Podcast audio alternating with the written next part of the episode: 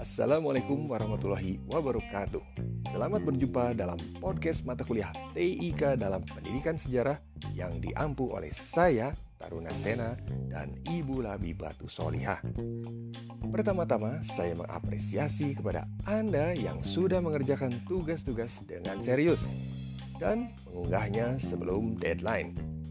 Pada pertemuan ke-6 ini, kita akan membahas mengenai MS Word setelah mengikuti podcast ini, diharapkan Anda sekalian dapat memahami dan terampil menggunakan MS Word secara online untuk berdiskusi atau berdebat.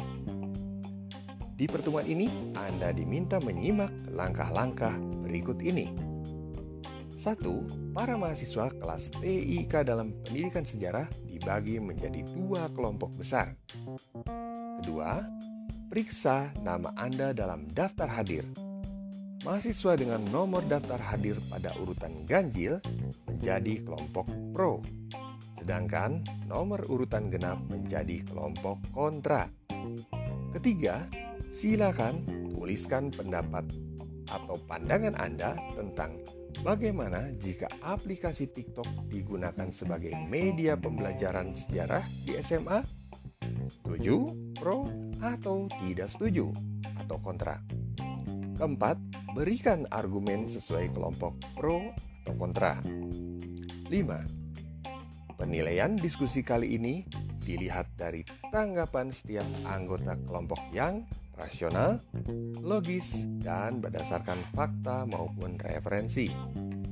Keenam, Anda dianjurkan mengutip referensi pendukung. 7 Waktu berdiskusi pukul 13.00 hingga pukul 14.40 hari ini. Kedelapan, setiap menuliskan tanggapan menggunakan format kelompok pro menggunakan warna biru, kelompok kontra menggunakan warna merah. Untuk lebih jelasnya, Anda sekalian dapat melihat langkah-langkah tugas ini pada spot UPI.